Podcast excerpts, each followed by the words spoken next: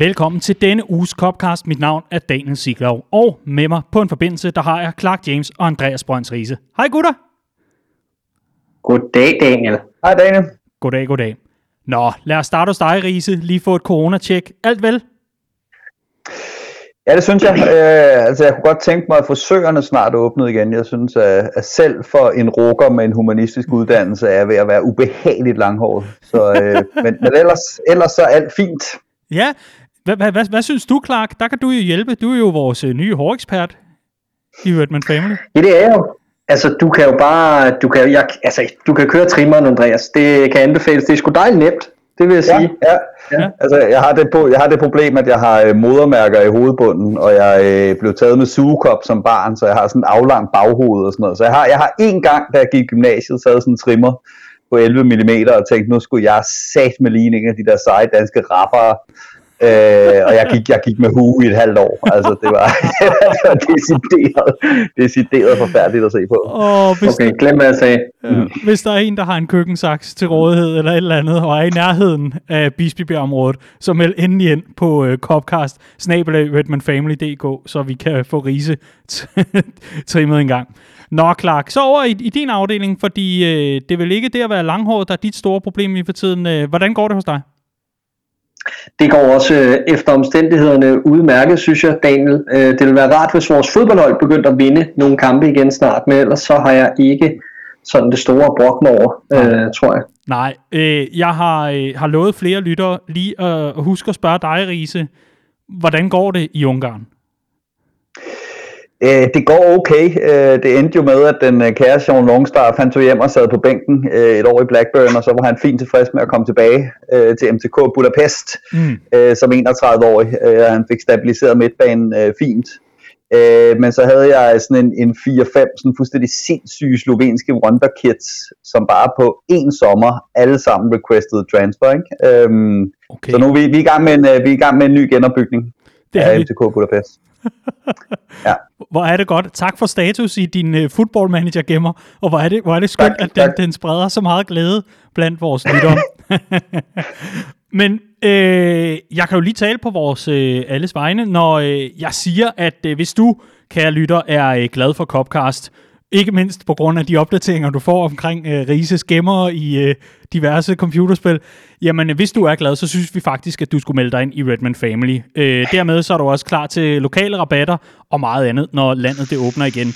Hvis du gerne vil støtte vores arbejde øh, generelt, både med Copcast, men også med artikler, videoproduktion osv., osv., så kan du melde dig ind på redmanfamily.dk. Tusind tak til alle jer, der støtter os i forvejen. Uden jer vil der ikke være noget Redman Family. Og det er især her i coronatiderne, at det varmer, når vi ser, at øh, folk melder sig ind. Så øh, vil du være en af dem, der smider en, en øh, kørvel på... Øh, jamen på, på, på, på, på pejsen eller i brændeovnen, og dermed holder varmen oppe, så øh, vil vi blive så glade. I den her omgang siden sidst, der skal vi forbi noget så sjældent som et, øh, et andet holds transfers. Øh, og det er egentlig kort og godt, fordi at øh, en af de spillere, vi har talt meget om, i forhold til øh, den defensive forstærkning, Liverpool formentlig går ud og henter til sommer, uagtet at der allerede er blevet handlet i Preston North End og nedrykningstroet Schalke 04, så øh, er det nu engang sådan, at øh, Bayern München, de er altså bekræftet, at de har hentet Dario Upamecano, det her øh, RB Leipzig, øh, RB Leipzig centerbakken, som altså kommer til klubben til sommer. Og det efterlader jo også med, øh, med lidt af et, øh, et spørgsmål her i Copcast, fordi, øh, lad, mig, lad mig dirigere det videre til, til, til dig, Clark. Hvem skal vi hente i stedet for? Nu var han ikke Hmm. hmm. Jamen altså, umiddelbart så tror jeg, øh, fra, fra hvad jeg sådan har kunne, har kunne læse lidt, så var han ikke den eneste i RB Leipzig, vi har været lidt lune på. Øh, også, også en anden øh, centerback, øh, Konaté, har vi, øh, har vi kigget på. Øh, der, er, øh, der er den gode gamle kroat, øh, Duje Chaleta Tsar, som øh, vi har haft op og vende her i programmet. Øh, altså, jeg tror egentlig, øh, Ozan Kabak er vel også i, i spil til en, til en permanent aftale, på trods af en knap så lykkelig debut.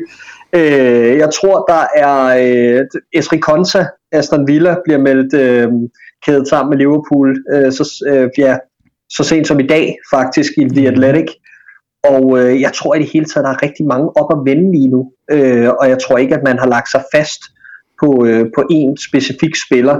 Jeg tror, på Meccano var med i den pulje øh, af spillere, man har kigget på og overvejer at, at gå efter den her sommer. Men som udgangspunkt tror jeg ikke, det, det ændrer Liverpools planer sådan radikalt, at, at han, er, han har fundet en anden klub. Hvad siger du, Riese? Hvad, øh, hvor efterlader det Liverpool, at øh, Bayern München nu øh, endnu en gang på, går, på, øh, går på jagt efter defensive forstærkninger i egen liga? Jamen, først og fremmest så skal vi jo lige igennem den her sovebearbejdelsesfase, hvor vi bliver enige om, at vi faktisk slet ikke vil have ham. Øh, han kommer mange fejl, og Martin Keown siger også, at han aldrig ville kunne gøre det i England og så videre. Når den, når den lækker pige går hjem på diskoteket med en anden, så var hun i virkeligheden slet ikke så lækker alligevel. Nej. Didn't øh, want him anyway. præcis, præcis. Didn't want him. Didn't want, never rated him. Øh, og når, det så, når, når vi så er færdige med det, så skal vi lige præcis ud og, og kigge efter noget, og der tror jeg, det er helt rigtigt, som Clark siger. Der er, der er, der er et bredt felt af, af muligheder. Jeg har, øh, jeg har personligt øh, genoplevet øh, forelskelsen i en, i en gammel kending, øh, nemlig Declan Rice fra øh, West Ham. Declan Rice, øh, som, øh, som spiller øh, defensiv midt i, i West Ham nu, øh, men som har spillet centerback før, som, øh, som virker helt ustyrligt stabil, og jeg hørte lige et interview med ham, og han virker bare så moden og balanceret og sådan perfekt fit for os, og og der, hvor man spiller på banen som defensiv midt for West Ham, det er jo, det er jo nok også der, man nogenlunde positionsmæssigt befinder sig, når man spiller centerback for, for Liverpool. Dejligt langt væk fra Alisson, i hvert fald. Ja. Æ, øh, så, så, så der må, det, det, det, det må jeg indrømme. Jeg har ikke hørt om nogen rygter. Rygterne går mest på, at han skal tilbage til Chelsea, men, øh, men, men det, det er der, hvor jeg, øh, jeg lige nu går og drømmer. Det er også lidt af et prisskilt, så vidt jeg, jeg er orienteret. Sidst jeg læste om uh, Declan Rice, og især om Chelseas interesse i ham, der, der læste jeg, at prisen kunne ende på omkring, jamen altså Van Dijk-priser, ikke? Altså op omkring 80 millioner pund. Så, så det er alligevel uh, lidt, lidt af en udgift, hvis Liverpool uh, er interesseret i ham. Ja, der ryger en uh, English Premium på, som, uh, som det så smukt hedder ja. uh, i Premier League. Uh, men uh, ja, det er, jo, det er jo bare sådan, det er. Hvis man vil have sin mand, så må man jo betale, hvad den koster. Det er jo det.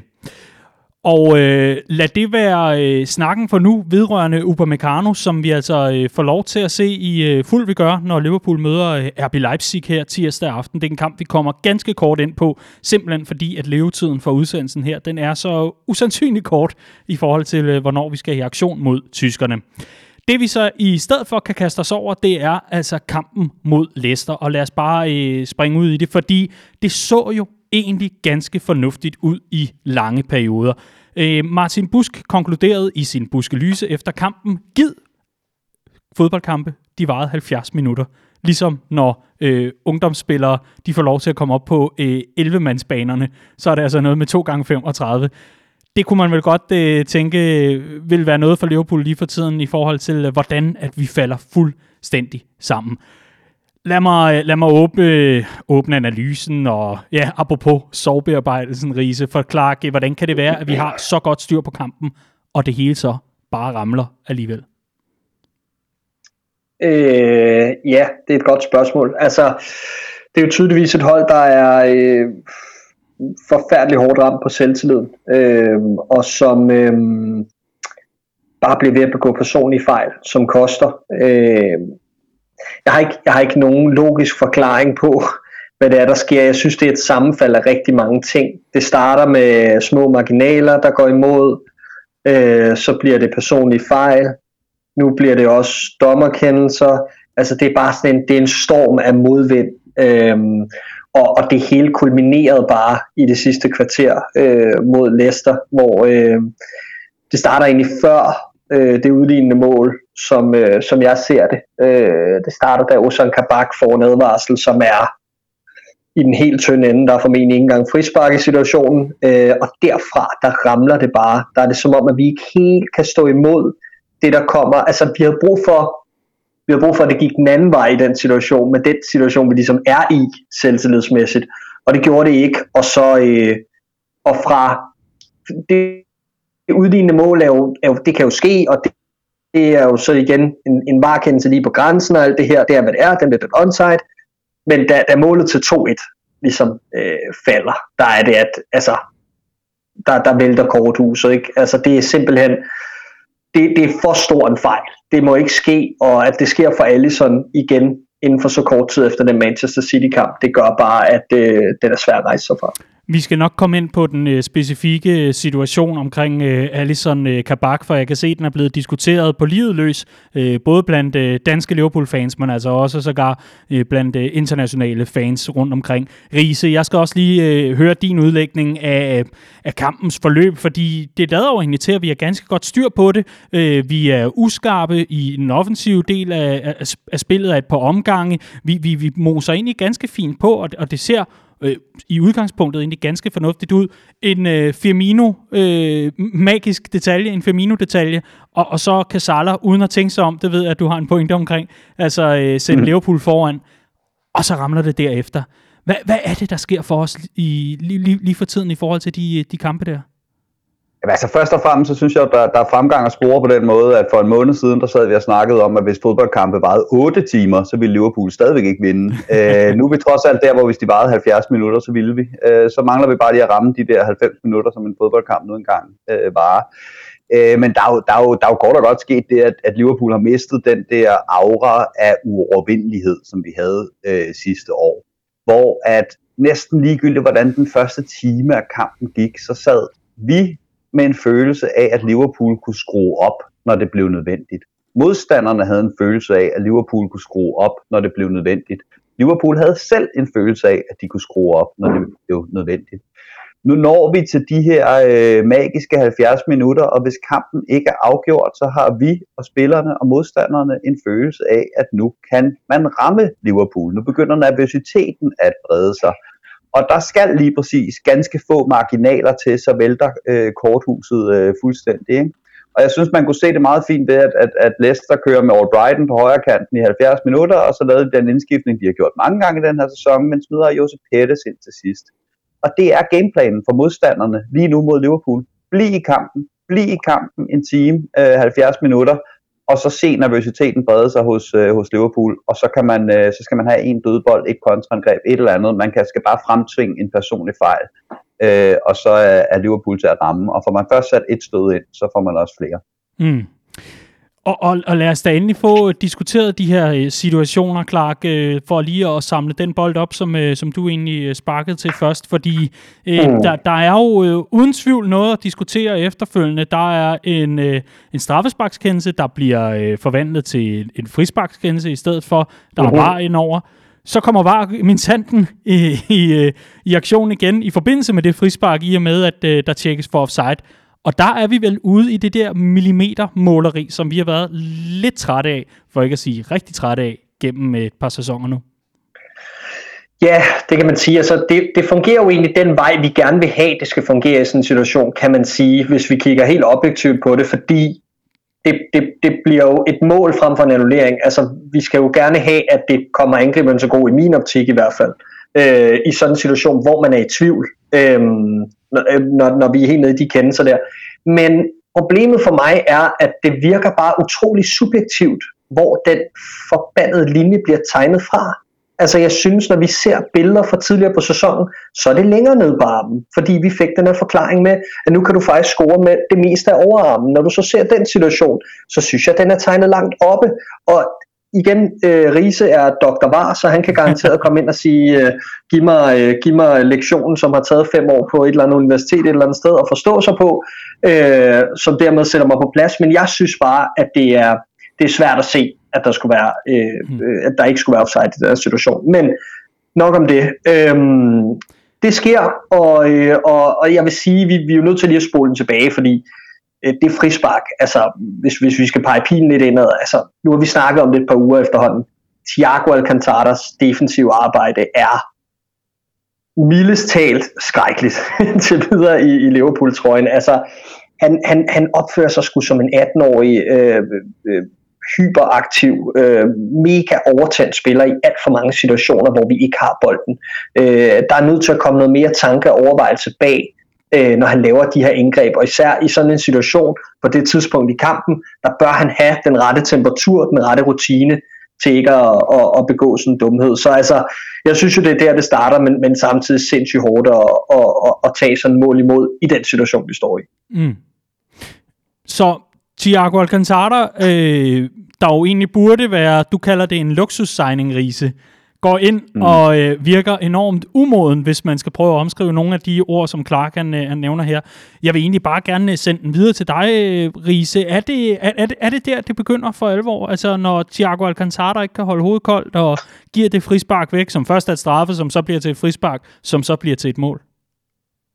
Ja, det, det er jo et meget fint symbol på det her med, at vi havde også de her kendelser imod os sidste sæson, Firminos armhul mod øh, Aston Villa, og der snakkede vi utrolig meget om det der med, hvad reaktionen fra spillerne var. Æh, især sådan en som Mané var fuldstændig uforlignelig til bare at sige, lad den ligge videre, der er ikke noget at gøre ved det, vi har en kamp, vi skal vinde her. Æh, der, der spreder sig en ængstelighed på, øh, på Liverpool-holdet i øjeblikket, når man får de her marginaler imod. Og sådan er det bare, når man er et, et hold uden selvtillid kontra et hold med, øh, med selvtillid, der, der jagter noget. Ikke? Øhm, så, så det kan jeg sagtens følge, at det er, det er de her personlige fejl, der begynder at, at snige sig ind, og så kommer ængsteligheden, og så bliver de fuldt op af, af flere personlige fejl. Mm. Så, ja, klart.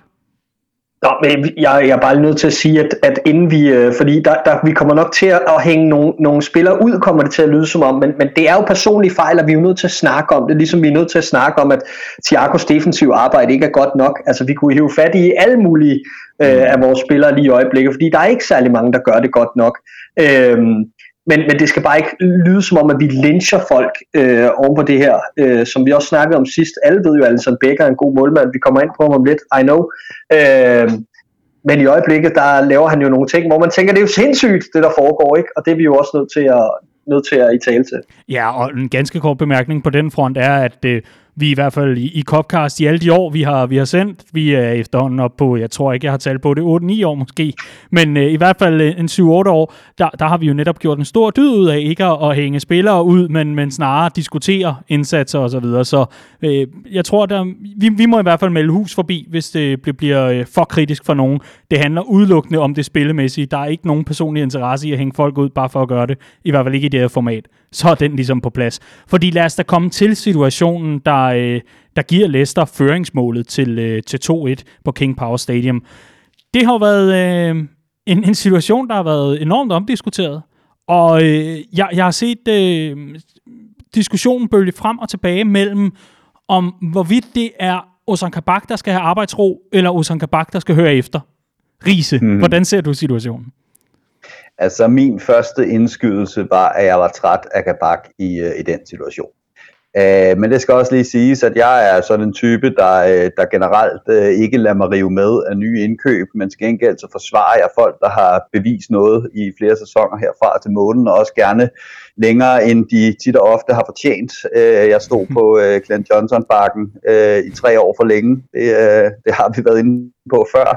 Øh, og så er jeg oven købet målmand, så ifølge, øh, målmand selv, så ifølge øh, reglerne i målmændenes fagforening, så er det altid forsvarsspillerens skyld, den der. Hmm. Øh, men nej, altså, det, det, jeg endte med, at jeg skulle give karakterer på den her. Jeg endte egentlig med at lade dem dele af dem, ikke? og sige, der sker en fejl mellem to spillere, øh, og så må de begge to øh, tage, tage ansvaret for den.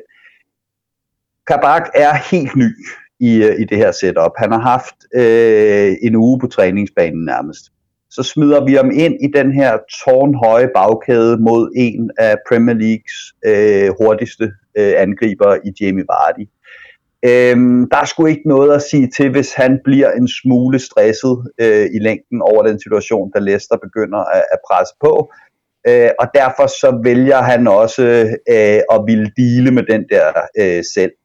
Det der så er i det, det er, at Allison kalder den, det er jeg ikke et øjeblik i tvivl om. Øh, det vil undre mig meget, at en så rutineret målmand som Allison kommer derud uden at kalde, øh, at han er på vej. Og så skal Kabak efter mine bedste begreber bare se at komme ud af klappen og ud af vagten.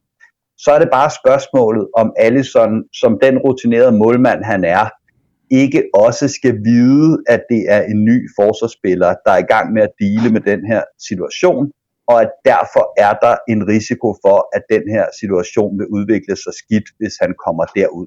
Vi snakker jo ikke om, at øh, Kabak ikke kommer først på bolden i situationen.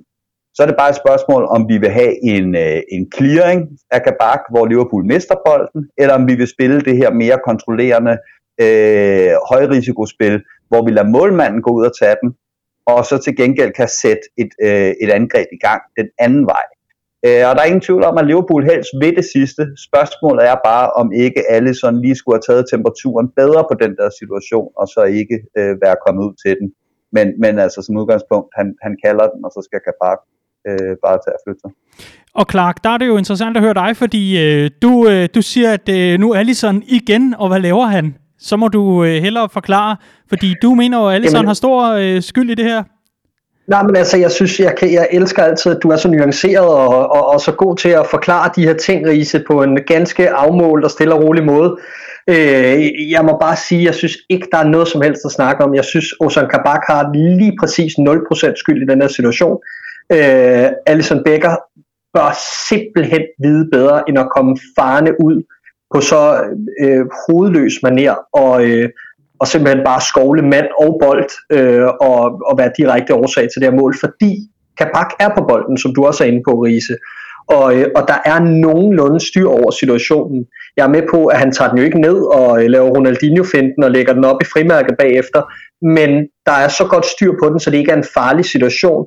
Derfor synes jeg slet ikke, at Allison har noget kampens tidspunkt taget i betragtning, har Allison ikke noget at gøre derude overhovedet. Og prøv at høre her, hvad ender det med? Det ender med, at han saver vores nye signing midt over, og ikke bare i bogstaveligste forstand, men han er skyld i, at manden rammer overskrifterne nu på den værst tænkelige måde. Han har fået den værst tænkelige start i Liverpool, og det må jeg sige, det blamer jeg virkelig alle sådan for. Jeg synes, det er overilet. Jeg synes, det er dumt, og han burde have vidst bedre i den situation.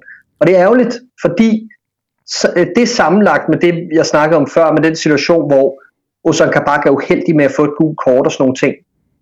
Det er virkelig, virkelig få marginaler, han er fra at spille en ganske udmærket debut. Øh, de første 70 minutter spiller han en fin kamp. Øh, og det er ikke nok, det er det da ikke, fordi på det sidste mål, der ser han så skidt ud, det vil jeg godt medgive. Men jeg synes med, at det er, puha, det der, det var unødvendigt, den situation til 2-1.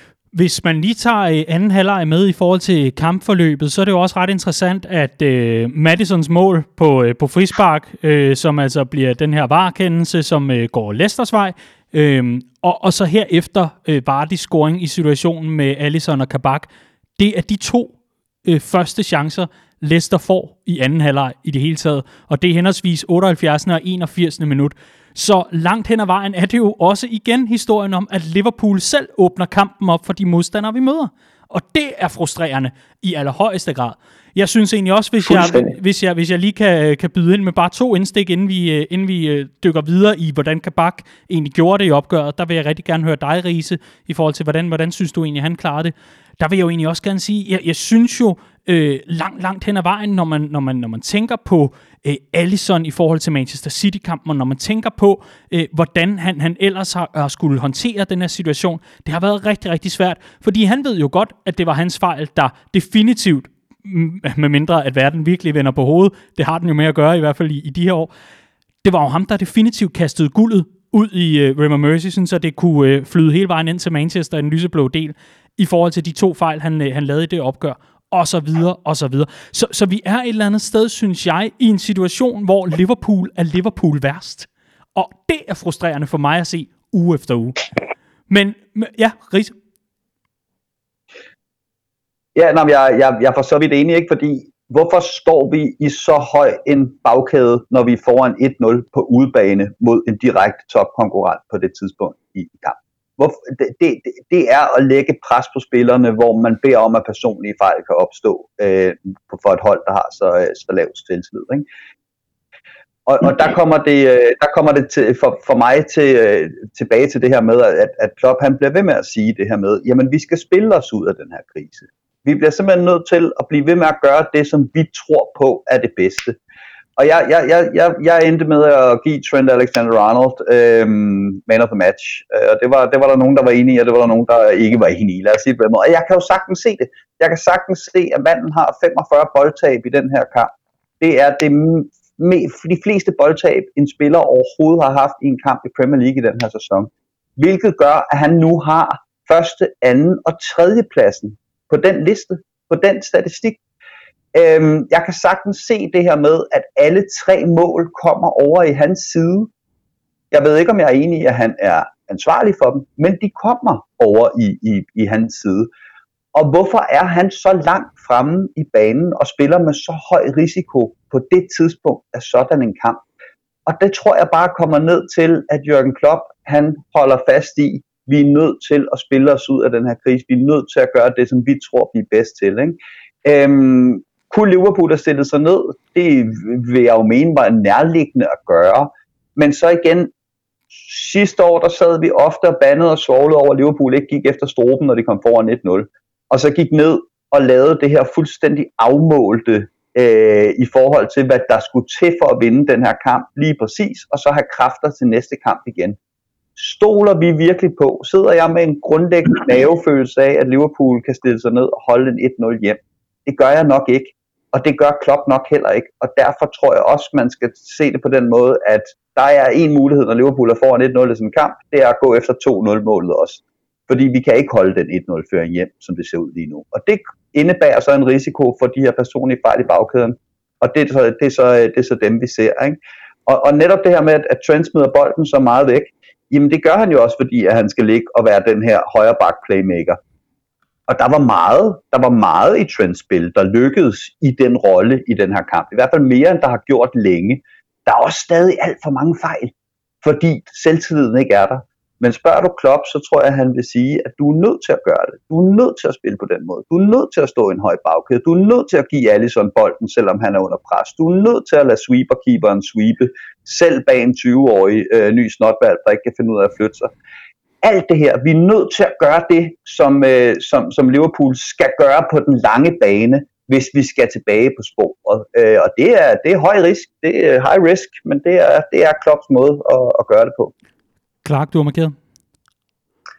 Ja, øh, jeg tror også bare, at, at vi, altså, det, det, det, det er også en del af en større diskussion, ikke? Fordi, altså, hvad var det centerback par nummer 18, 19 i den her sæson? Noget i den 14, stil, ikke? 14 tror jeg nok, men jo, ja. Ja, i, i Premier League, mener jeg. Nå, men det er også... Det er også øh, 16 eller 17, tror jeg. Men det er også lige meget. ja, vi, vi, vi er i hvert fald langt ned ad rækken, ikke? Og det er... Øh, det er jo sindssygt. Altså, og det, det kan vi bare ikke komme udenom. Det er jo en del af forklaringen. Det er, at vi hele tiden skifter ud i den bagkæde. En ting er, at vi mangler vores absolut bedste spiller. Vi mangler også den næstbedste inden centralt. Vi mangler også den tredje bedste. Og gud hjælp mig, om vi ikke også mangler den fjerde bedste den her gang. Altså, det, det, det kan bare, man kan bare ikke blive ved med at holde det oven vandet, og nu har vi snakket om i lang tid, at det er faktisk gået ganske udmærket for Liverpool defensivt. Det har vi så betalt for offensivt. Nu er vi så nået så langt ned ad den rute, at nu begynder vi altså også at betale for det defensivt. Øh, og, og, og det gør vi så ved personlig fejl lige i øjeblikket, og øh, jeg kan godt se, hvorfor det er svært for Alisson Becker øh, at, at skulle spille med forskellige øh, øh centerback-par øh, foran sig fra kamp til kamp, og her havde han en ny 20-årig osv., det er bare stadig pisse frustrerende at være vidne til, ikke? Og, øh, og, og et eller andet sted var, var denne her kamp jo øh, totalt opsummerende for Alisson Beckers sæson. Han står fantastisk i de første 70 minutter, men det snakker vi slet ikke om nu, på grund af de fejl. Men han står faktisk en glimrende kamp. Hans reaktion på det her, denne her City-kamp er virkelig, virkelig god.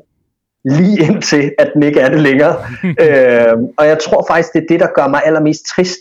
Det er, at vi var på vej til at rejse os rigtig, rigtig flot på en svær udbane og med med et rigtig, rigtig vigtigt, vigtigt resultat, og så går bunden ud på en så uforklarlig måde, så det jo ligner et dilettantshow fra 13-14 sæsonen, når vi var aller værst. Øh, Hull City Away, hvem der ikke husker øh, øh, den fadese og så videre. Ikke? Øhm, og, og det er bare noget, vi har, vi, vi har vendt os til ikke at skulle glo på mere. Og øh, der vil jeg bare lige tilføje til det, Riese siger til sidst med, at øh, det her med high risk og sådan nogle ting, at det er måden at komme ud af det på det er nemlig det, der er så frustrerende, det er, at vi har vendet os til, at Liverpool under Klopp ikke længere er high risk.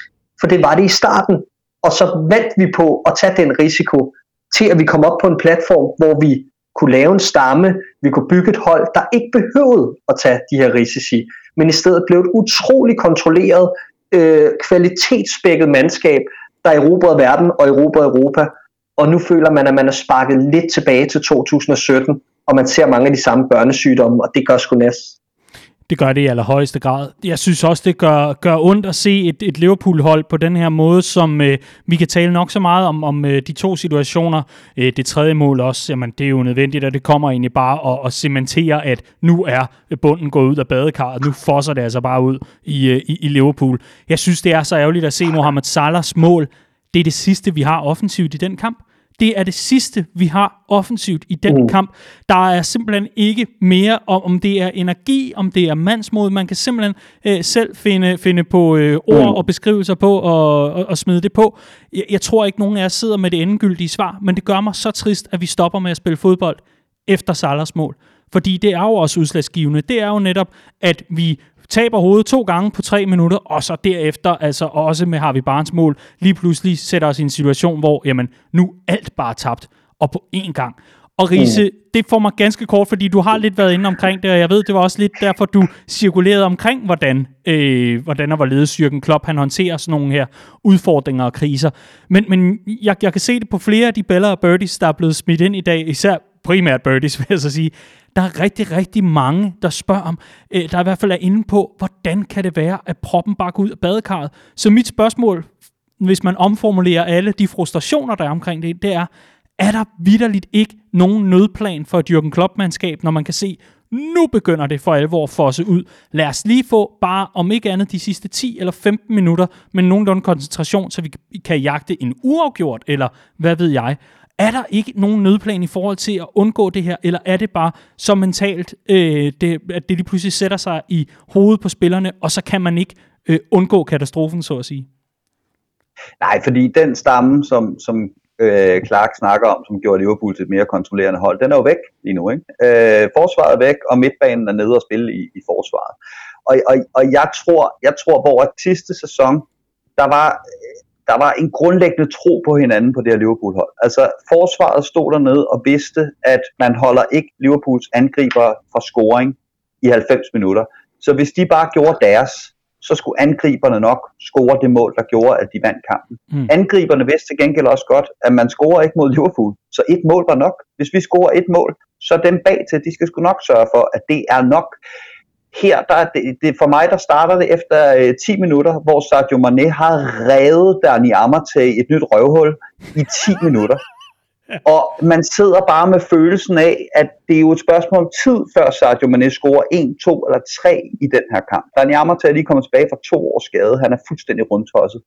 Det sker bare ikke. Det sker bare ikke. Der går ikke hul på den by. Og så er det, det begynder at brede sig, den her ængstelighed. Ikke? Altså, får vi scoret det mål, der, øh, der skal til for, at, at, at vi kan afgøre den her kamp, står dem nede bag i og tænker. Og dem op foran, de, når de har scoret det ene mål, de tænker, at det nu nok? Altså holder de rent faktisk tæt nede bag til, øh, nok til, at det her mål, vi nu har scoret, det er nok. Og så breder der sig i stedet for en grundlæggende tro og selvtillid bygget op omkring en moden og velovervejet stamme på holdet, så breder der sig bare lige præcis den der ængstelighed, den der øh, ikke tro på egne evner, som vi fuldstændig rigtigt så i 2017, hvor Jürgen Klopps løsning også bare var, jamen så lykkes det 70 minutter i den her kamp. Så næste kamp, så må det være 80, og på et eller andet tidspunkt, så rammer vi en stime af resultater, så vi kan begynde at bygge den her tro på hinanden, tro på egne evner og selvtillid på hold. Mm. Og det er nemlig fuldstændig rigtigt. Altså hele denne her følelse af, at vi slår til, når vi skal, den er væk. Øh, og så når man alligevel lige at blive lidt sådan, øh, øh, man, man får håbet tilbage, da vi så scorer på et ret vigtigt tidspunkt faktisk. Problemet er bare, at det skulle have været målet til 2 eller 3-0. Fordi det er for det første det, vi har brug for i øjeblikket, men det er ligeledes det niveau, vi kommer fra. Altså det er det, vi plejer at gøre, når vi spiller kampe, som vi gør i de første 70 minutter mod Leicester. Det har vi set blandt andet mod Leicester tidligere, og, øh, og, og det skal vi bare gøre med den præstation, der bliver lagt for dagen. Så vil jeg sige, at jeg synes egentlig, at, øhm, jeg synes egentlig, at, at øh, når jeg kigger rundt omkring på sociale medier efter det her nederlag, synes jeg egentlig, at folk har, har været sådan rimelig, øh, rimelig sådan, øh, øh, ærlige omkring, at vi egentlig spillede en god kamp, og der bliver ikke hængt så mange folk ud, ud over de sædvanlige. Og det er bare det, jeg egentlig vil tage lidt fat på. Jeg synes, at alle som giver sig selv, der er nogle personlige fejl og sådan noget. Vi snakker om, om, om en Thiago også, og, og helt sikkert, at vi, vi må også snart erkende, at det har ikke været særlig, en særlig god start for Thiago i, øh, i Liverpool-trøjen. Men jeg synes bare, at vi er også nødt til at tage fat i nogle af de øh, rutinerede kræfter på det her hold. Altså, hvad er det, hvis man kigger over de sidste to måneder, hvad er det, Gini Wijnaldum bidrager med på det her fodboldhold? Altså, udover at være der, helt seriøst, hvad er det, han bidrager med? Han spiller ingen bolde fremad, og når vi er i modgang, så er han ikke til stede. Eddie Robertson mangler den der gnist, den der energi, fordi han spiller every single time. Man kan på en eller anden måde også sige det samme om Trent Alexander-Arnold, der, der trods alt, synes jeg, ligesom du også var inde på, Riese, er lidt bedre offensivt for os, og stadig har noget finurlighed, der gør, at vi bliver farlige over højre siden fra tid til anden. Men jeg synes bare, der er mange af de her sådan, øh, de her søjler, vi tænkte på, var, var en del, en, en sådan inkarneret del af det her succesfulde fodboldhold i sidste sæson, hvor jeg synes, der kommer ikke rigtig noget. Og, og jeg må sige, at bare lige for at, øh, for at tilføje en kommentar til netop Gini Wijnaldum, jeg tror, han bliver langt lettere erstat, end, øh, end, end rigtig mange går og tror derude. Øh, okay. han, har, han har haft en, en rigtig fin Liverpool-karriere, men jeg synes også, tiden er kommet til, at vores midtbane skal kunne noget andet og noget mere nu. Og vi har typer som ham, som jeg tror kan fylde ud for ham og gøre et ganske fint stykke arbejde, blandt andet 19-årige Curtis Jones. Jeg kan ikke se, hvad han ikke kan, som Gini Wijnaldum kan. Men lad mig, lad mig lige prøve at, at tage no, øh, en enkelt af pointerne, og tak for det, Clark, fordi det er jo interessant i forhold til at få nuanceret debatten, så det ikke bare bliver, han begik en fejl, han begik en fejl, men også at få, øh, få sat nogle ord på nogle andre spillere. Riese, sådan en spiller som Gini Wijnaldum, som vi har, øh, har, har fremme her, jeg synes jo, det er enormt interessant at stille dig spørgsmålet om, hvorvidt en Gini Wijnaldum bare er bedst når det går godt for Liverpool, hvor han er god i forhold til at være presresistent og, øh, og holde godt fast i bolden, få den sendt videre på det rigtige tidspunkt, og dermed også være bindeled i forhold til vores offensiv stil osv. osv. Men at han måske falder fuldstændig igennem, når det går knap så godt. Er det det, vi er ude i i forhold til øh, Wijnaldum-syndromet, eller hvordan ser du det? Altså det er jo det, jeg har kaldt otterens forbandelse. Ikke? Øh, hvis man spiller på et hold, som øh, er godt kørende, øh, så kigger folk på fodboldhipsterne på den her otter, der aldrig er en del af highlight reelet, og siger, han er limen, han er bindeledet, han er det mest oversete geni i fodboldverdenen. Øh, når det ikke fungerer, så kigger man på, at han aldrig er en del af highlight reelet, og siger, hvad fanden byder han egentlig øh, ind med? Øh, Gini Wijnaldum, han, han spiller på det niveau, som Gino Wijnaldum gør. Gino Wijnaldum er en systemspiller per excellence. Øh, hvis han er bindeled mellem et godt forsvar og et godt angreb, så er han en af verdens bedste bindeled mellem et godt forsvar og et godt angreb. Lige nu har vi hverken et godt forsvar eller et godt angreb, og så virker Gini Wijnaldum fuldstændig overflødet. Mm. Øhm, jeg tror også, altså jeg, jeg er sådan set enig i, og det, det tror jeg egentlig, jeg har været længe, at Gini Wijnaldum bliver ikke på den måde svær at erstatte. Gini Wijnaldum har været meget vigtig for det her øh, Liverpool-hold, og han er, i, han er evigt tilgængelig. Han, når, hvis du siger, at Andy Robertson har spillet meget den her sæson, så har Gini Wijnaldum spillet med det dobbelte, vil jeg gætte på, hvis du tager landskampe med. Øhm, men jeg tror helt klart, at når vi snakker Thiago, så er planen med Thiago, det der var planen med Thiago, det var netop at få noget andet ind på midtbanen, end bare slidstærke løbetyper. Mm. Øhm, fordi Jørgen Klopp, han har altid haft den her idé om, at det høje pres var den bedste playmaker. Det er det bare ikke længere, fordi de andre går ikke i vores presfælder længere. De, de, de, de holder ikke på bolden længe nok, til vi kan passe fejl ud af dem. Øh, så jeg tror egentlig, at, at købet af Thiago skal ses på den måde, at man udmærket godt vidste, at nu skulle det her Liverpool-hold tage et skridt mere i forhold til at blive mere boldbesiddende, kunne tage temperaturen på kampen mere øh, kunne, kunne holde på bolden mere osv. Og jeg er helt enig i, at Thiago han lige nu tonser rundt øh, som, øh, som, som en, en labrador, der har fået for meget kaffe eller et eller andet. Øh, men det tror jeg skal ses på den måde, at han, han godt ved, at når man kommer ind på et Jürgen Klopp-hold, på et Liverpool-hold, der lever af høj intensitet, så vil han gerne bevise, at det kan han godt være en del af. Øh, han vil gerne vende sig til at være en del af Liverpool. Så skal Liverpool også til at vende sig til, hvad det er, han kommer med at nyt og bruge ham på den rigtige måde. Og det har vi bare ikke kunne sætte i scene nu. Det har vi ikke haft nok tid på træningsbanen. Han har været for meget skadet og så videre. Øh, så, så jeg tror helt sikkert, at, at der, der var en plan med Thiago. Altså han, han er noget så sjældent som et kortsigtet indkøb af FSG og Jürgen Klopp. Øh, det, det er fandme sjældent. Vi har, vi har fuldstændig brudt med alle, alle tidligere strategier i forhold til at købe ham. Og det er fordi, man ved, at han er speciel, og han har, han har noget andet, som det her øh, Liverpool holder brug for. Og det tror jeg er en transformation for at gøre det færdigt i forhold til Gini Wijnaldum. I forhold til, hvad det næste Liverpool skal være. Det skal være mindre Gini Wijnaldum og mere Thiago. Det er jeg ikke tvivl om. Ja, og så Fuld, fuld, jeg, er nødt til lige at, jeg er nødt til lige at svare på den der, for jeg er fuldstændig enig faktisk, og jeg tror, det blev, jeg tror, det blev noget mere kritisk, end egentlig var, var hensigtet omkring Gini Wijnaldum, fordi han har været en sindssygt vigtig brik for Liverpool. Jeg tror bare, at vi skal kunne noget andet med nogle andre kompetencer der, hvor vi skal hen, og netop derfor har vi jo øh, fået en type ind som, øh, som Thiago, men ligeledes så ser vi også en Curtis Jones blomstre op, som jeg bare synes, altså jeg kan se lige så snart at balancen kommer tilbage på det her Liverpool-hold, og vi faktisk får mulighed for at spille nogle af vores bedre defensivt orienterede midtbanespillere på den her midtbane i Jordan Henderson og Fabinho, jamen så ser jeg faktisk de her otte Curtis Jones, øh, ideelt set en Naby Keita, som desværre bare er sindssygt meget skadet, en Thiago osv., de her sådan lidt mere øh, eventyr, eventyrløsende spillere og, øh, og, og fantasifulde spillere øh, vores midtbane frem for en 8 som, som Gini Wijnaldum, som jeg mener egentlig gør meget rigtigt i øh, formentlig at, at, at sige stop her til sommer. Mm. Det er i hvert fald sådan, det ser ud lige nu, og også i forhold til de historier, der har været på det seneste.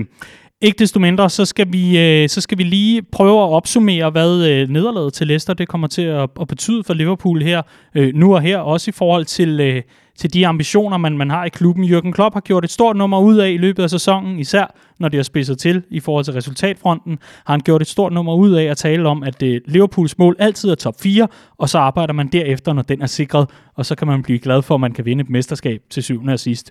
Ikke desto mindre, så øh, har vi talt om skadeskrisen, og øh, der er bare dømt øh, stolpe ud. Det synes jeg egentlig kom meget fint frem i vores analyse men vi har fået et spørgsmål, øh, og det kan man altså altid gøre som, øh, som lytter, hvis man synes, der er noget, man mangler svar på, eller noget, man gerne vil have med i udsendelserne. Så øh, tjekker vi både Copcasts Facebook-side og vores Twitter-profil, fordi øh, der er kommet et spørgsmål fra Johannes Reike, der spørger, da Champions League kvalifikationen må være målet for denne sæson. Hvordan skal dette så realiseres? Er det all in på Champions League eller top 4 i Premier League? Og her kommer pointen. Vi ligner nemlig ikke et hold med ressourcer til begge. Er der en af jer, der har lyst til at gribe den? Det spørgsmål. altså nærmest uagtet af Liverpools øh, øh, øjeblikkelige situation, øh, så plejer vi altid at kunne øh, rejse os til begivenheden, når det gælder europæisk fodbold. Der er bare lige den helt store forskel i år, at der er tomme tribuner, og vi har ikke et Anfield i ryggen. Øh, så hvis der skulle ofres noget, så tror jeg helt naturligt, det bliver Champions League. Øhm, fordi Liverpool skal spille Champions League i, i næste sæson, øh, når fansene netop er tilbage på stadion, for at det her projekt kan rulle videre i samme tempo, som vi har set hidtil. Øh, det er simpelthen alfa og omega at Liverpool ender i top 4. Mm. Riese, hvad siger du til det? Har du noget øh, bevinget at sige? Du får aldrig Jørgen Klopp til at købe den præmis, at der ikke er ressourcer til begge dele. Altså man kan ikke lægge en sæson an på at vinde Champions League. Det er fuldstændig absurd. Prøv at tænke på, hvor lang vejen der er der til, og så kommer det ned til 90 minutter og en dårlig bardom. Ikke? Altså det kan man simpelthen ikke. Det kan man til nøds gøre med Europa League, hvor modstanden er mindre, og, og, og når man spiller med der, så er man måske også lidt mere det tynde øl i, i forhold til top 6 osv. Mm. Det kan man til nøds gøre. Du kan ikke gøre det. Du kan ikke gøre det med, med, med, med Champions League. Øhm, det, det stinker også bare af Brendan Rodgers på Bernabeu og smide øh, Borini på, på toppen og lade Steven Gerrard sidde på bænken. Ikke? Øhm, det, det, det, det, det skal vi være forbi simpelthen.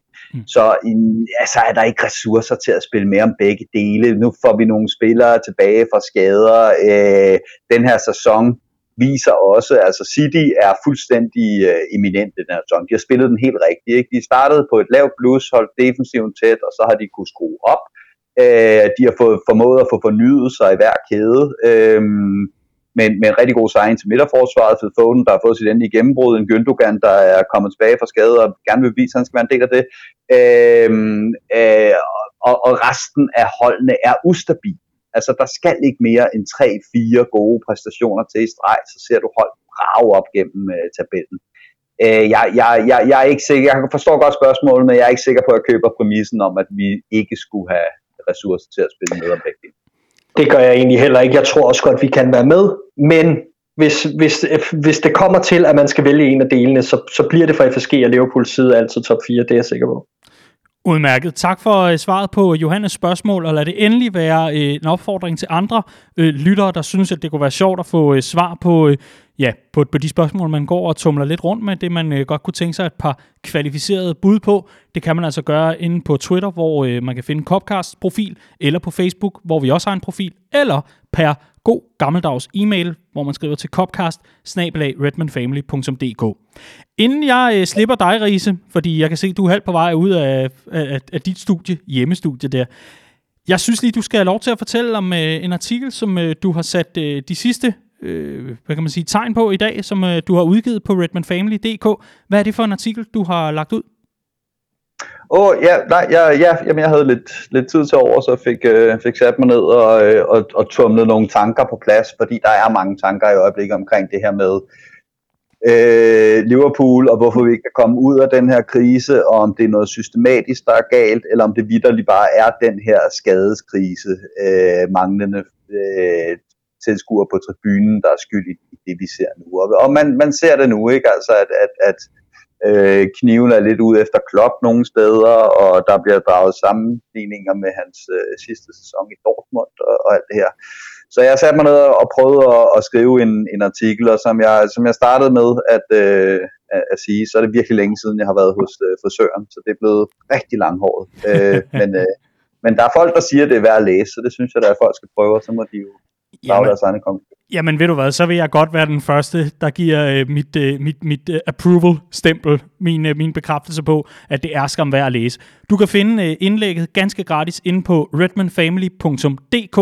Og Riese, hvad skal man lede efter? Hvad hedder dit indlæg? All plots lead to death, but not yet. Sådan. Lad det være en øh, cliffhanger, indtil du selv får klikket dig ind på redmanfamily.dk, eller får hentet vores app, som du kan hente til både iPhone og Android, som altså bare hedder Redman Family. Rigtig god læselyst. Nu skal vi til Bella og Birdie. Så er det blevet tid til Bella og Birdie, vores faste segment, hvor du, kære lytter, uge efter uge har muligheden for at blande dig i diskussionen om, hvad der var det bedste og hvad der var det værste i ugen, der gik.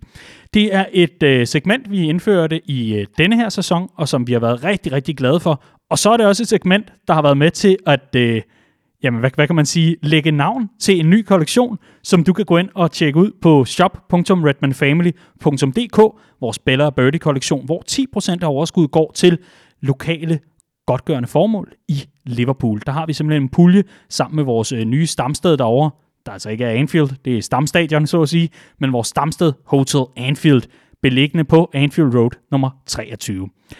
Og allerede nu, der har øh, nogle af pengene fra, øh, fra det overskud, som øh, salget af de her produkter, det altså genererer, det har allerede hjulpet, så det er vi rigtig, rigtig glade for og stolte over. I den her omgang Bella Birdie, og øh, også fremadrettet, der har vi ændret lidt på rækkefølgen. Øh, simpelthen for at øh, gøre det lidt mere øh, nemt at komme øh, ind med en masse forskellige lytterbud, men også sådan så, at øh, mine to analytikere, faste huseksperter, medværter, om man vil, de øh, kan komme af med deres, og så kan vi ellers få en masse lytterbud ind, mens der stadig er tid til det. Så lad høre, Riese, for du får som øh, altid lov til at åbne ballet. Hvad er din birdie i den her uge? Ja, jamen min birdie i, i, i den her uge, det er øh, James Midners skade, øh, som kommer derefter et kvarter. Han har spillet virkelig meget fodbold. Jeg synes, det var meget tydeligt, at, at planen var at gå op og presse Leicester. Jeg synes faktisk, at presspillet i den her kamp var det bedste, vi har set for Liverpool i, i siden før jul.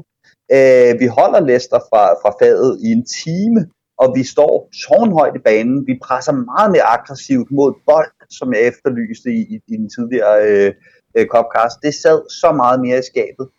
Og at James Milner bliver hentet ind, starter kampen foran Thiago. Det handler for mig at se om det, at han i en alder af 35 år er den her modne, velafbalancerede spiller, men satme også ham, der har benene til at sørge for, at Liverpool kan rykke det der presspil 10 meter frem på banen.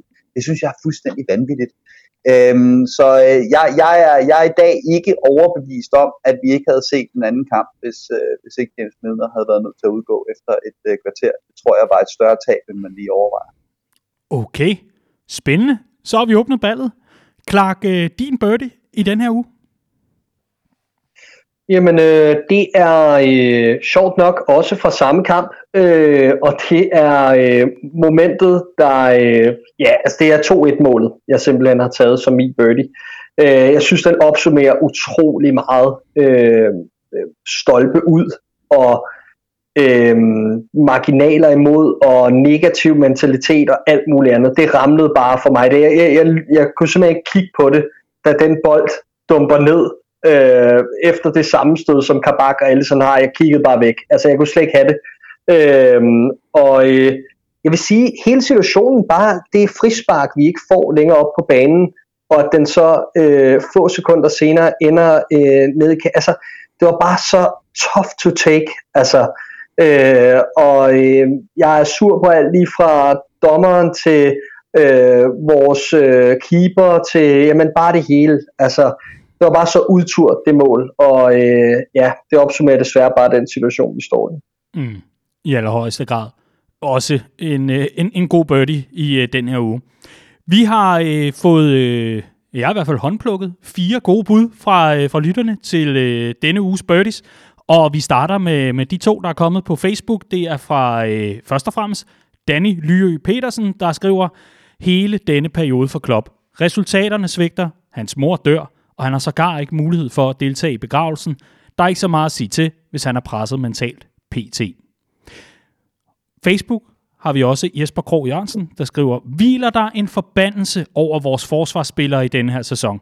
Jeg bryder mig overhovedet ikke om at bruge skader som undskyldninger for noget som helst, men det er jo absurd, det der sker for os i denne sæson. Det er jo efterhånden så langt ude, at man tror, det er løgn. Og det er nok også henvisning til, at øh, nyindkøbte Ben Davis, gud døde med, ikke var klar til, øh, til opgøret i weekenden. Ikke fordi han nødvendigvis skulle have startet inden, men om ikke andet sidde på bænken. Han havde pådraget sig et slag inden opgøret.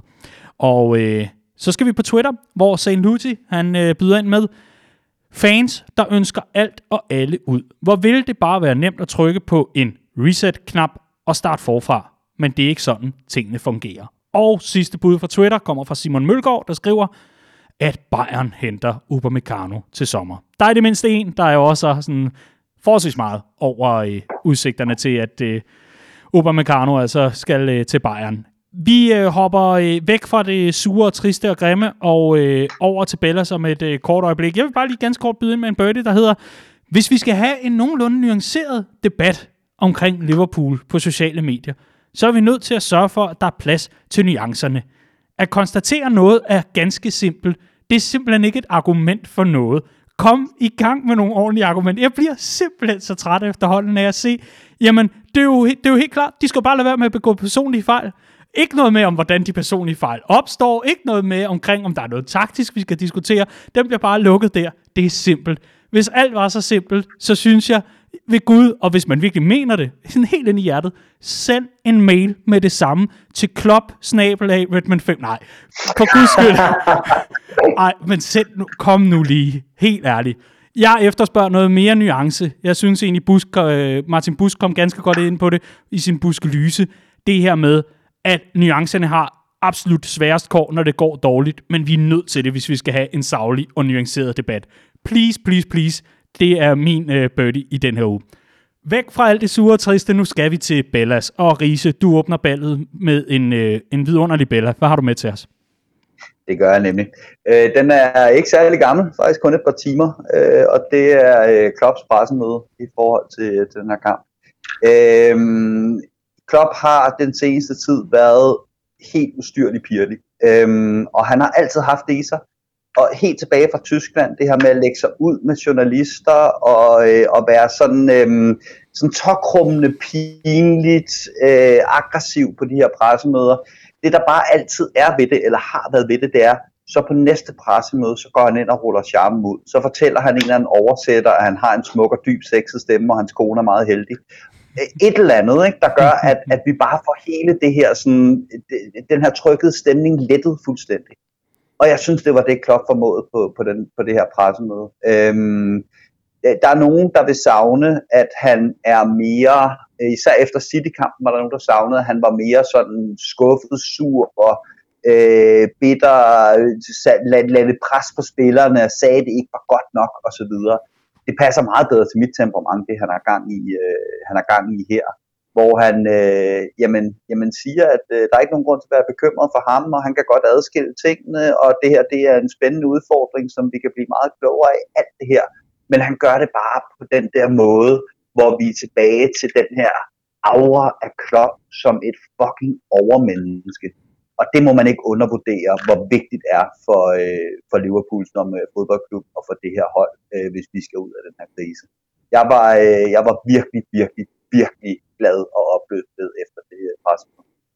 Det var jo Og de plejer at øve dig pisse kedelige, sådan nogle pressemøder. Det, er- det er godt nok. ja. Clark, øh, er du over i samme boldgade med din Bella i den her uge? Jeg er over i samme boldgade. Jeg har ikke valgt samme højdepunkt, men det kunne jeg lige så godt have gjort. Riese har fuldstændig ret. Det overskud Klopp viser i den situation var så forfriskende, fordi det er længe siden vi har set det, og øh, det har netop været et tema, at Klopp har virket drænet på det seneste. Så øh, helt rigtigt, og jeg fik samme vibes efter det her pressemøde, at så, så blev man sgu kampklar igen, ikke? selvom at, øh, jeg havde troet, det ville tage flere år efter Leicester-kampen. Øhm, jeg har taget det, der hedder, eller det, den overskrift, der hedder den overvældende support, der har været til Jürgen Klopp øh, på sociale medier efter lørdagens kamp, fordi det her med bål og brand efter et nederlag, det tror jeg alle i diverse fanskare ligesom kan øh, nikke genkendende til. Øh, jeg mener, at hvis man kigger på formtabellen i Premier League over de sidste 10 kampe, så ligger Liverpool nummer 17 i Premier League. Øh, Liverpool har leveret fuldkommen forfærdelige resultater i 2021, og øh, siden vi slog Crystal Palace med 7-0, øh, der ligger vi faktisk kun på kanten af nedrykningsstregen, som sagt. Øh, så jeg vil godt kunne forstå, hvis der var mange, der var utrolig kritiske efter den kamp i lørdags. Men i stedet så skete der jo det, at der brød nogle meget, meget løse og ubegrundede rygter øh, op til overfladen om, at øh, Jürgen Klopp var så presset øh, på den personlige front og på det, der ligesom foregik både på og uden for banen, at det var et mix, der havde gjort, at, at han ligesom øh, havde besluttet sig for at træde af. Så blev rygterne senere til, at han måske skulle fyres, og øh, i de forskellige betting, på de forskellige betting sites var han jo lige pludselig stor favorit til at blive den næste fyrede manager i Premier League. Og det udløste bare en eller anden reaktion, som jeg synes var utrolig smuk rundt omkring på øh, sociale medier. Jeg har scrollet igennem øh, hele søndagen og set diverse hilsner til Klopp fra, øh, fra vores medfans og øh, fra, fra hele verden. Øh, jeg har sågar set øh, sammenklippet videoer fra diverse øh, fanklubber på verdensplan, som har, øh, som har skruet øh, øh, hilsner sammen til Klopp øh, i grund af hans private situation, men også ligeledes med opfordring til, at, at eller med, med en cementering af, at der er fuld opbakning til, til ham og Mm. projekt Klopp i Liverpool. Øh, og så kulminerede det jo med de, de her banner ude foran Anfield, øh, som blev hængt op her øh, søndag eftermiddag øh, i øh, bidende kulde på, øh, ja, øh, på, på Merseyside, hvor der var en flok unge drenge, der øh, var gået sammen i en gruppe om at lave de her banner, som ligesom, hvor det havde teksten Jürgen Klopp, YNVA. Øhm, og det, det synes jeg bare opsummerer, hvad det er, vi er for en klub, og hvad det er, som Jürgen Klopp har formået at bygge op i den her klub igen. Fordi vi skal ikke længere end 5-6 år tilbage, for det var splittelse, og det var øh, en rodebutik, og det var, øh, du havde ikke den her følelse af, at vi som fanskar var sådan en enhed, som man oplever i de her dage. Og jeg er bare, jeg er bare super opløftet over, at det ikke er forsvundet fuldkommen. For jeg har set mange overskrifter på det seneste med From Doubters to Believers and Back Again og alle de her ting. Trods alt ikke helt. Vi er her nu. Det er vi i allerhøjeste grad, og øh, ja, det er, det er nogle øh, usædvanligt stærke billeder, I, I har med til, øh, til bordet, de her. Hvor er det godt, at vi også har, øh, har nogle andre, som øh, måske ikke er, er så højdragende, øh, simpelthen så vi kan få øh, bredt det mere ud i forhold til øh, lovprisningen af vores, øh, vores drenge. For lad os åbne med et bud, der kommer ind fra, øh, fra Henrik Holm Nissen på Twitter, hvor han skriver, Bella er Salah, som på trods af vores form stadig er på vej mod topscore-titlen igen. Det er verdens bedste one-season wonder. Så skal vi på Facebook, hvor vi har øh, jamen, de næste tre plus en, fordi der også er en kombineret, der skal med i den her uge. Der har vi Morten Børsting, der skriver Firminos oplæg til Salah, sikke en verdensklasse aflevering. Det kan jeg kun tilslutte mig. Der var ikke nogen i nabolaget, der var i tvivl om, at Firmino havde lavet lækkerier, da, da, da Salah han hakker den ind. For pokker, hvor fik jeg også grædet hjemme i stuen. På jeg var på Facebook... lokum. nej, nej! Åh, oh. Jack, det må, gøre, det må du godt gøre noget mere under. Åh, oh, stakkels Clark. Nå, det var, det var ellers en god detalje, Clark. Den skulle du have set. Jeg så den efterfølgende. Åh, oh, det var godt. På Facebook har vi også Niels Brøndum, der skriver, Bella, vi er stadig i Liverpool, og det er egentlig meget fedt. der er så mange klubber, der er utrolig langt fra at vinde noget som helst. Den kan jeg godt lide. Så skal vi øh, sidste Bella, øh, inden vi tager den kombineret, og den sidste Bella er fra Mikkel Hedegaard, der skriver på Facebook, at vi trods fem nederlag i 2021 stadig væk ligger nummer 4 i tabellen, mens vi optager nu i hvert fald. Med de skader og formkrisen taget i betragtning, er det altså mere end godkendt, synes Mikkel Hedegaard. Og det er også et fint syn at have på tingene. Og så skal vi til en kombineret, fordi øh, vi har det jo som, øh, som en regel her i Copcast, at hvis der er ros, så tager vi gerne imod den.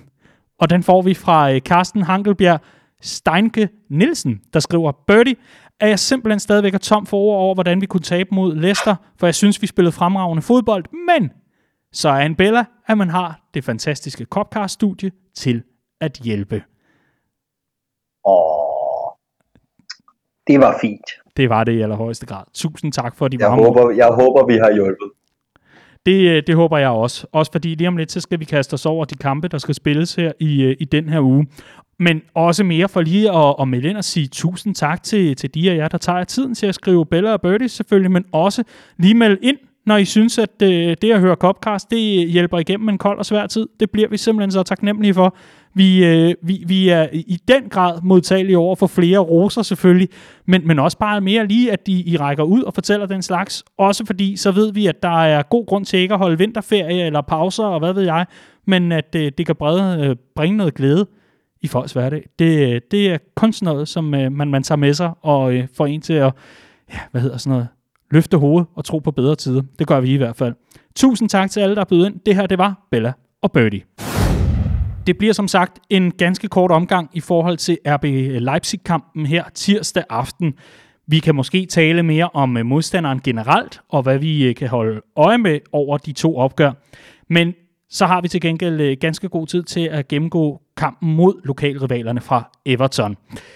Først og fremmest så skal vi måske lige have frem, at øh, UEFA ifølge tyske kicker, det her fodboldmagasin og fodboldudgivelse, har UEFA bedt Liverpool om at finde en anden øh, lokation, et andet sted til returopgøret mod RB Leipzig, altså Liverpools hjemmekamp. Fordi øh, som det efterhånden er, øh, er de fleste bevidst, så skal øh, Liverpool og RB Leipzig, hvis de ikke allerede er nået frem, jeg tror at RB Leipzig i hvert fald er kommet frem, nu er Liverpool også på vej, til Budapest. Riese han øh, lyser op i et kæmpe smil nu, men i Budapest på Puskas Arena for at spille første opgør. Og nu har UEFA altså bedt Liverpool om at finde et andet sted til øh, kampen i returopgøret mod Leipzig, sådan så Leipzig ikke skal i 14 dages coronakarantæne, fordi de skal et smut til Anfield.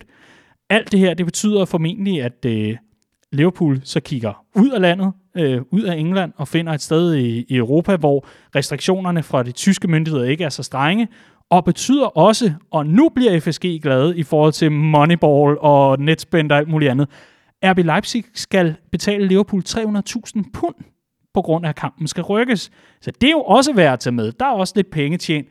Ikke desto mindre, jeg sidder lidt tilbage og tænker, er det ikke ved at være lidt en farse, det her? Det gør vi alle sammen, Daniel, og altså, det, spørgsmål, der er blevet stillet så mange gange tidligere, som er for hvis skyld er det, at vi spiller de her kampe. Øh, altså, det er jo ikke kun Liverpool-Leipzig, der rykkes, det er jo alle mulige andre kampe, der er ved at blive rykket, både Champions League og Europa League. Og fra et helt sådan øh, øh, altså logisk synspunkt, så vil man da nok spørge, hvorfor afgør vi ikke bare det her over en kamp. Men problemet er jo, at pengene er så store i denne her fodboldverden, så det bliver jo svært bare lige at lave de her ændringer. Men jeg må da sige, at sådan et format, som vi så spillet i sommer over de sidste kampe i Champions League, virker da sådan rimelig oplagt at gentage. Gør det ikke det? Altså, jeg, jeg, jeg må sige, jeg synes det... Altså, i forvejen er vi der, hvor at der er ingen folk på stadion. Øh, så øh, fair nok, så skal vi ud og spille Champions League. Der skal rejses en hel del. Okay, vi er lige på kanten med, hvad hvad der egentlig bør være fornuftigt, ikke? Og så oven i det, så skal kampene, gud hjælp med, der skal spilles over to, altså to opgør skal afgøre, hvem der skal videre, men ingen spiller på hjemmebane, altså det, jeg synes, det er noget rod. Øh, og jeg synes, det, det tager lige 10% yderligere af den kampgejst, der er op til sådan en Champions League øh, mm. øh, opgør. Ja, fordi det, det undrer mig, at man fastholder det her. Det, det kan jeg til dels... Øh, jeg, jeg vil aldrig sige, at jeg, jeg, jeg er enig i beslutningen om, at man øh, partout skal spille kampene, men hvis der er en tv-aftale, og det får øh, alt overskyggende konsekvenser for klubberne, at man ikke får spillet de her kampe, fred være med det, at man ikke reducerer det til et opgør, det er, hvad det er. Men at der tydeligvis ikke, så vidt jeg er orienteret, laves en ændring i forhold til reglen om udebanemål. Det undrer mig i allerhøjeste grad. Ja, enig. Fordi hvad, hvad, hvad fanden er fordelen? Altså, det, det, ja, det kan jeg simpelthen ikke... Altså, det, det, er helt enig. Det, det, det er vanvittigt. Nå, skal vi ikke ja. sige, at det var... Øh, vi, vi er jo efterhånden ved at være nogle, nogle gamle knakke, simpelthen, der bare sidder og brokker os løs. Så lad os i stedet for prøve at varme op til selve opgøret. For Riese, du får lov til at åbne den, så, øh, så ja. kommer Clark og jeg tilbage, når vi, når vi lige har pustet ud. RB Leipzig og øh, Julian Nagelsmann er jo øh, noget af det hotteste i øh, fodbold-Europa lige for tiden. Det er jo en rigtig, rigtig spændende projekt og en spændende træner, og i det hele taget er det bare øh, enormt interessant at se, at øh, Bayern München ikke er det eneste, som tysk fodbold kan, kan øh, levere lige for tiden, men at der altså også er andre. Og her er RB Leipzig-projektet jo meget interessant, også fordi, at Liverpool jo øh, læner sig lidt op af den måde, som øh, Red Bull-koncernen driver sine klubber på, og øh, den måde, som øh, træningsanlæg og alt muligt andet er blevet udformet på. Så det er vel et eller andet sted lidt som at møde en grandfætter, er det ikke? En meget ung Karl ikke? Altså det eneste, det eneste, der er yngre end Julian Nagelsmann i den her verden, det er den fodboldklub, han er træner for, ikke? Øh, altså det, jo, jo, der er fuld øh, grund til at være, have, have dyb respekt for den måde, de driver, øh, driver øh, fodboldklubben på, og med Ralf Rangnick som øh, åndeligt overhoved, og, øh, og det er meget grundigt, det er meget dygtigt, og øh, når en gang Jürgen Klopp er færdig som manager i Liverpool, så håber jeg da på, at det er Julian Nagelsmann og hans tavligt ringe tøjsmag, der kommer til at stå på sidelinjen for Anfield i stedet for. Øhm, men, men, men lad os lige huske på, at det også et eller andet sted er et øh, sjælløst øh, lorteforetagende, som, øh, som man aldrig bør sige noget pænt om. Nå, her troede jeg, jeg var ved at blive gammel. Så kom Grise lige ind med... så overtrumfede Rise. det, det er fordi Rise han stadig sidder og venter ved postkassen på at få indkaldelsen til vaccinen. Nå, øh, Clark. Øh, så, Den så, kom i forrige uge. Så lad mig høre dig. Hvis, hvis, hvis man så rises ord for gode varer om, at det er noget lort, eller i hvert fald lige bare, bare, bare, bare rykker det til side, og så i stedet for fokusere på projektet Leipzig, og måske også på Nagelsmann. Hvad, hvilke, hvilke ord har du så at sætte på jamen, både klubben, men altså så også træneren jo, som øh, virkelig er, er interessant, og lidt af et hot trænernavn i det europæiske?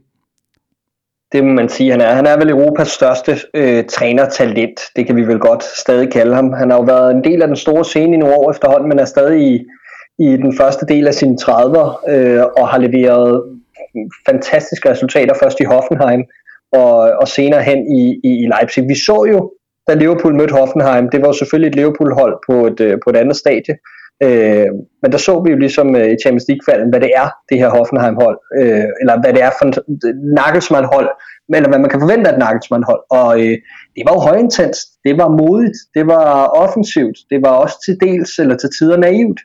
Øh, det er han vokset lidt fra med, naturligt nok efter han har fået lidt flere ressourcer mellem hænderne til at bygge sit hold op og har fået den platform, som Leipzig nu engang er, øh, som gør, at, at, at han nu kontinuerligt kan spille med i toppen.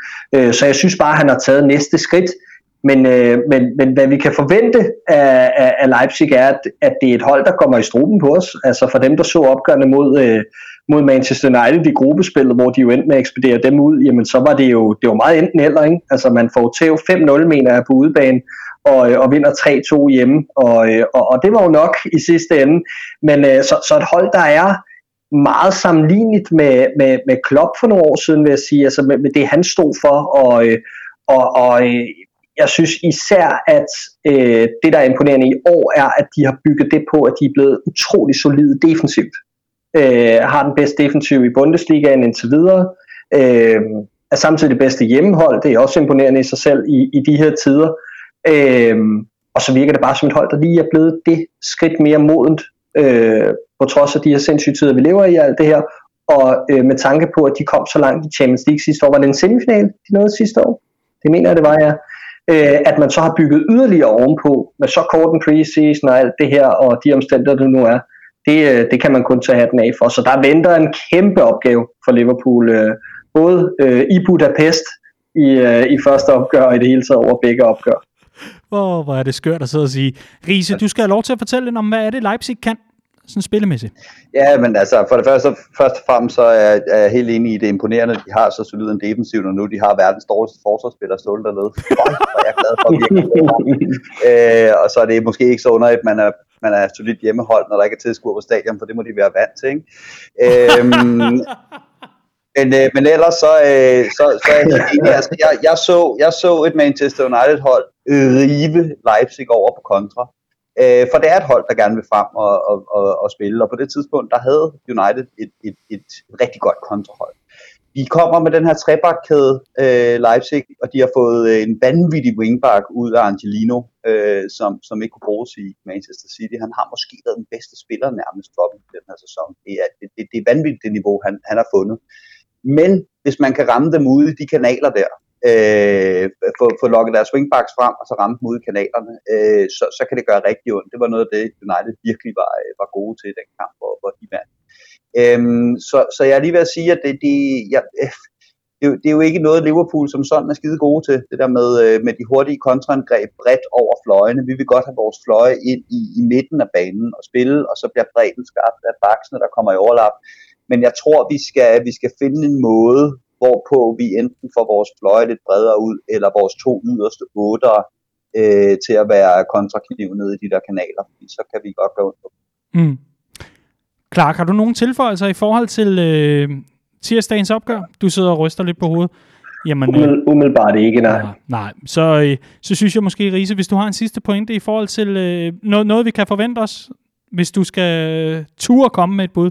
Jeg ved, du ikke meget for det, øh, men... Øh, vi kan, vi kan først og fremmest forvente os en bauer en kamp, tror jeg. Altså det her, det er, øh, det er fodbold, som det skal spilles. Det er, det er klop mod en, en klopdisciple. Det er, det er tysk fodbold, der ejer verden i øjeblikket, og, øh, og det, er, det her, det er to eksponenter. Øh, Liverpool er i dårlig form, men det er to øh, virkelig fede eksponenter for en fed måde at spille fodbold på. Og jeg husker tilbage på de der Hoffenheim-opgør med største fornøjelse. Hold kæft, hvor var det nogle fede kampe. Mm. Så, øh, så først og fremmest, så, øh, så håber jeg på, på gentagelse af, af, af nogle virkelig, virkelig, virkelig øh, højintense opgør. Og så kommer Clark selvfølgelig lige med øh, tippet i forhold til øh, en rigtig god optakt, fordi mm, på UEFA's hjemmeside, hvad ligger der? Jeg var lige ved at bringe det faktisk. Øh, der ligger et interview mellem øh, Jürgen Klopp og Julian Nagelsmann, som er lavet op til den her kamp, hvor de sidder over en Zoom-forbindelse, og øh, lige snakker en to-tre minutter omkring øh, kampen dengang, og ja, øh, primært det faktisk, og så ellers der er bare en hyggelig stemning. Øh, det er tydeligt at mærke, at Jürgen Klopp øh, øh, selvfølgelig har en lidt øh, faderlig rolle i, i, i den henseende, at, at han er sådan lidt overlegen på en lidt sjov måde, øh, mens at Nagelsmann er, er meget respektfuld over for Klopp, og, øh, og samtidig er det fyldt med en, med en god portion humor, så det, øh, det kan anbefales. Åh, oh, hvor er det godt, hvor er det godt. Og så ligger der altså også nogle øh, fine øh, fine artikler inde på øh, The Athletic. Hvis man er så heldig at være abonnent derinde, så ligger der altså nogle gode artikler også omkring øh, Julian Nagelsmann, der fortæller blandt andet, at han øh, holder meget øje med Liverpool og ser kampe øh, med Liverpool for at blive inspireret for at se, hvordan Klopp han løser udfordringerne lad den her øh, sæsons DVD endelig øh, blive en af dem, man gider gemme. Lad os håbe på det, og, øh, og lad, os, øh, lad os se, hvad han får ud af dem. Tror, tror, tror du, han ser Firmino spille, og så tænker, ah, Josef Poulsen kan jo meget det samme. det, det kunne godt tænkes. Og ja, du taler altså til en uh, Bobby Firmino aficionado her, så, så at, at du sammenligner med Josef Poulsen. Hvis, hvis det ikke var fordi, du sad i Bispebjerg, og jeg sad langt væk fra dig, så havde jeg kastet noget efter dig. Men uh, det, vil jeg, det vil jeg lade være med. I stedet for vil jeg uh, rykke videre til Everton-kampen med, med god hjælp fra jer to, for uh, de blå fra... Uh, fra Everton. Det er jo vores lokalrivaler, og det er jo et hold, som øh, lige pludselig begyndte at ane et mesterskab, indtil det så ikke var noget mesterskab igen.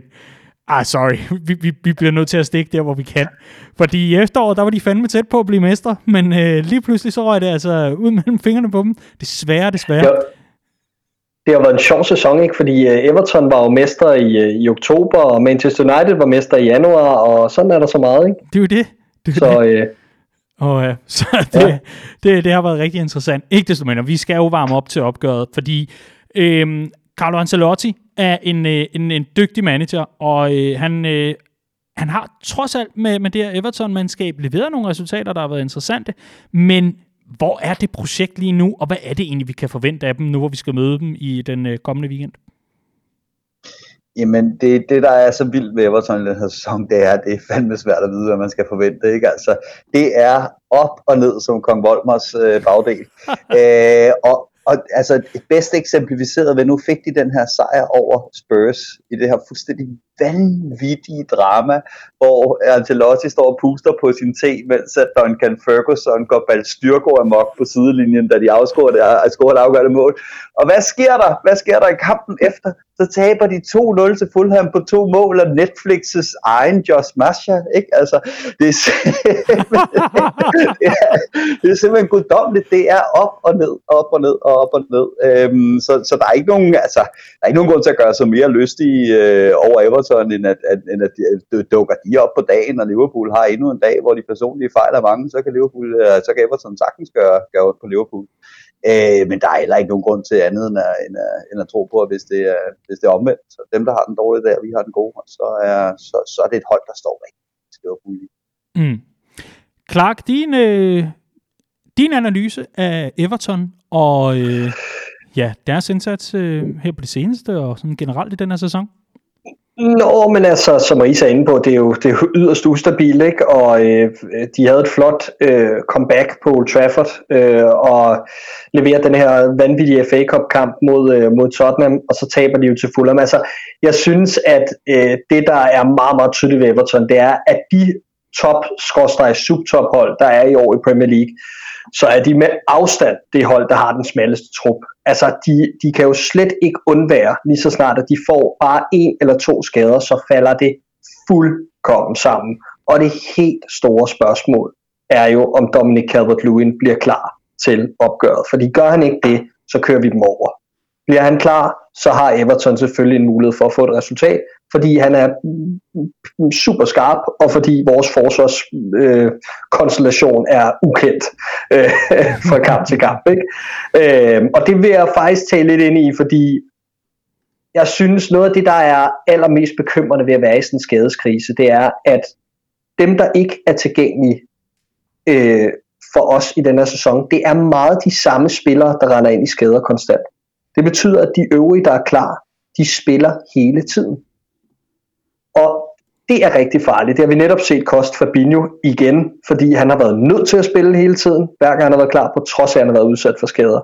Øh, vi har en Trent Alexander-Arnold, der nærmest ikke har siddet over, siden han øh, fik en overbelastningsskade tilbage i november. Øh, nu skal han spille igen i midtugen, og han skal selvfølgelig også spille på lørdag. Øh, Andy Robertson, fuldstændig det samme øh, Gini Wijnaldum, som vi snakkede om tidligere, altid tilgængelig osv. Det venter bare på at ske, øh, det uheld der. Og hvornår er det, vi har råd til at, øh, at, at spare de her spillere?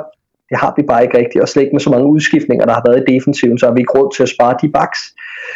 Så det kan jeg godt være lidt bekymret for. Øh, men igen, vi er jo nødt til at spille dem i så stor en kamp, og det er vi jo også øh, i, i midtugen, så, så, så det bliver interessant. Men, øh, men lad os håbe, at Dominic Calvert-Lewin ikke bliver klar, fordi så taber Everton helt sikkert. Jamen dejligt.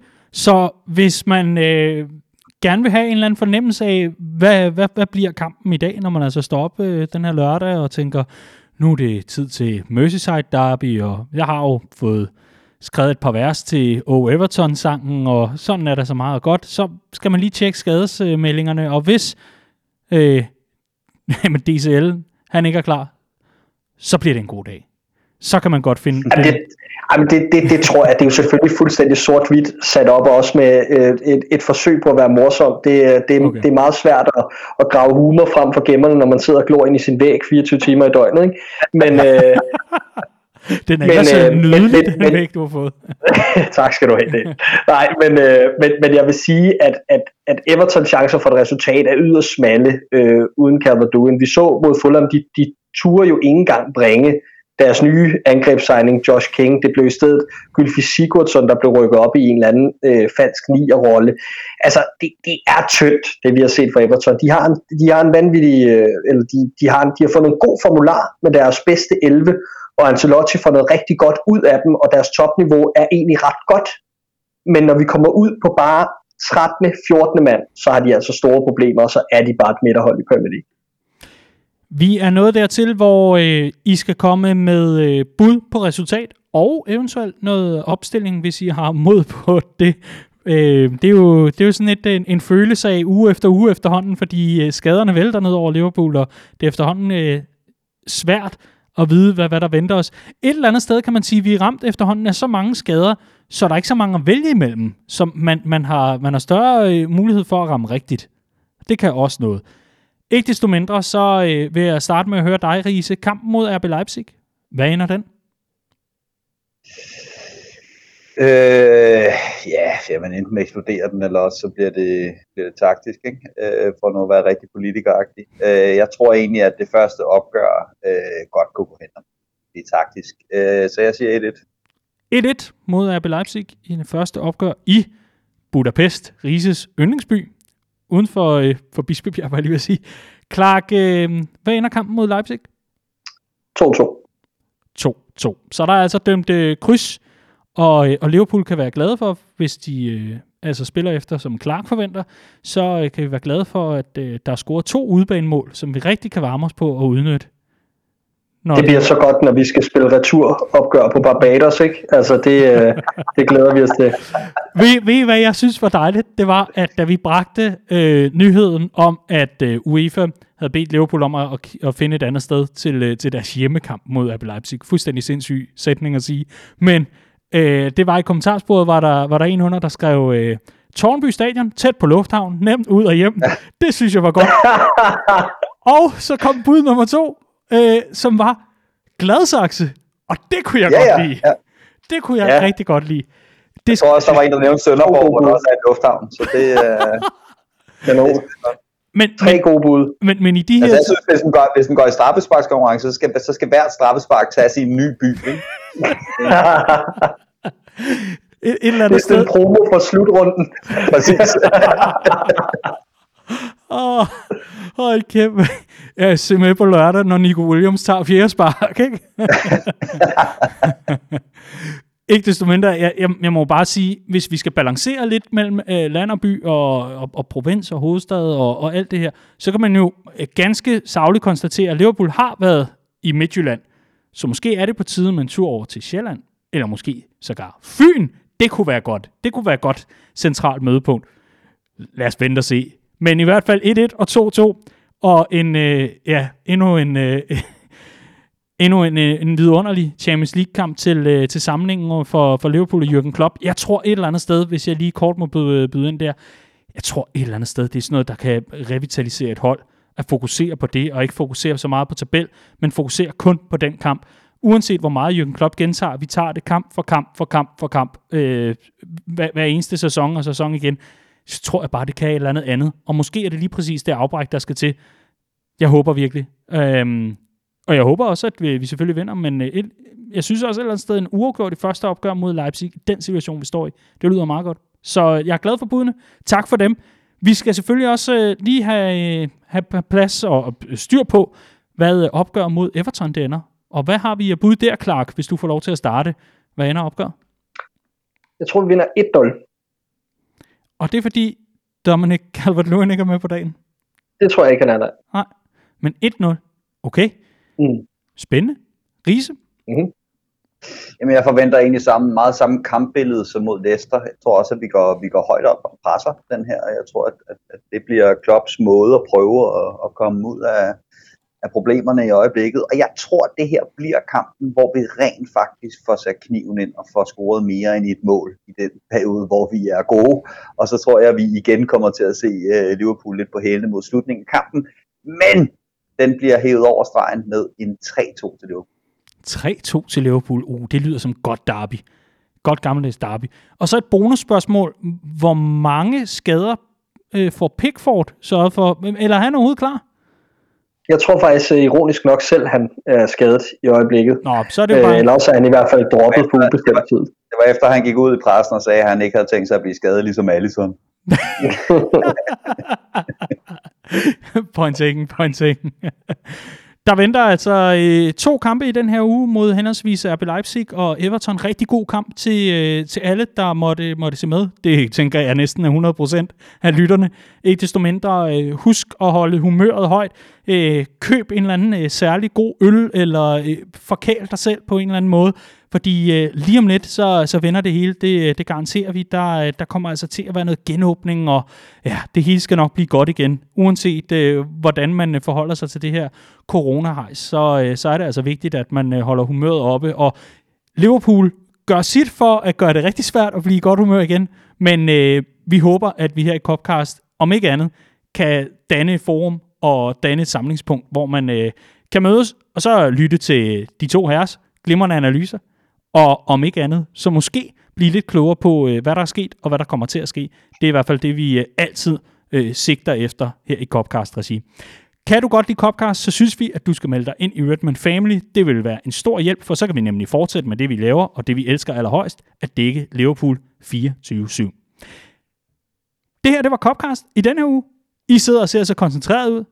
Lad os vinke til hinanden og ønske hinanden rigtig, rigtig god uge. Tusind tak for den her gang til Andreas Brøns Riese og Clark James. Mit navn er Dan Siglaug. Tusind tak, fordi du lyttede med.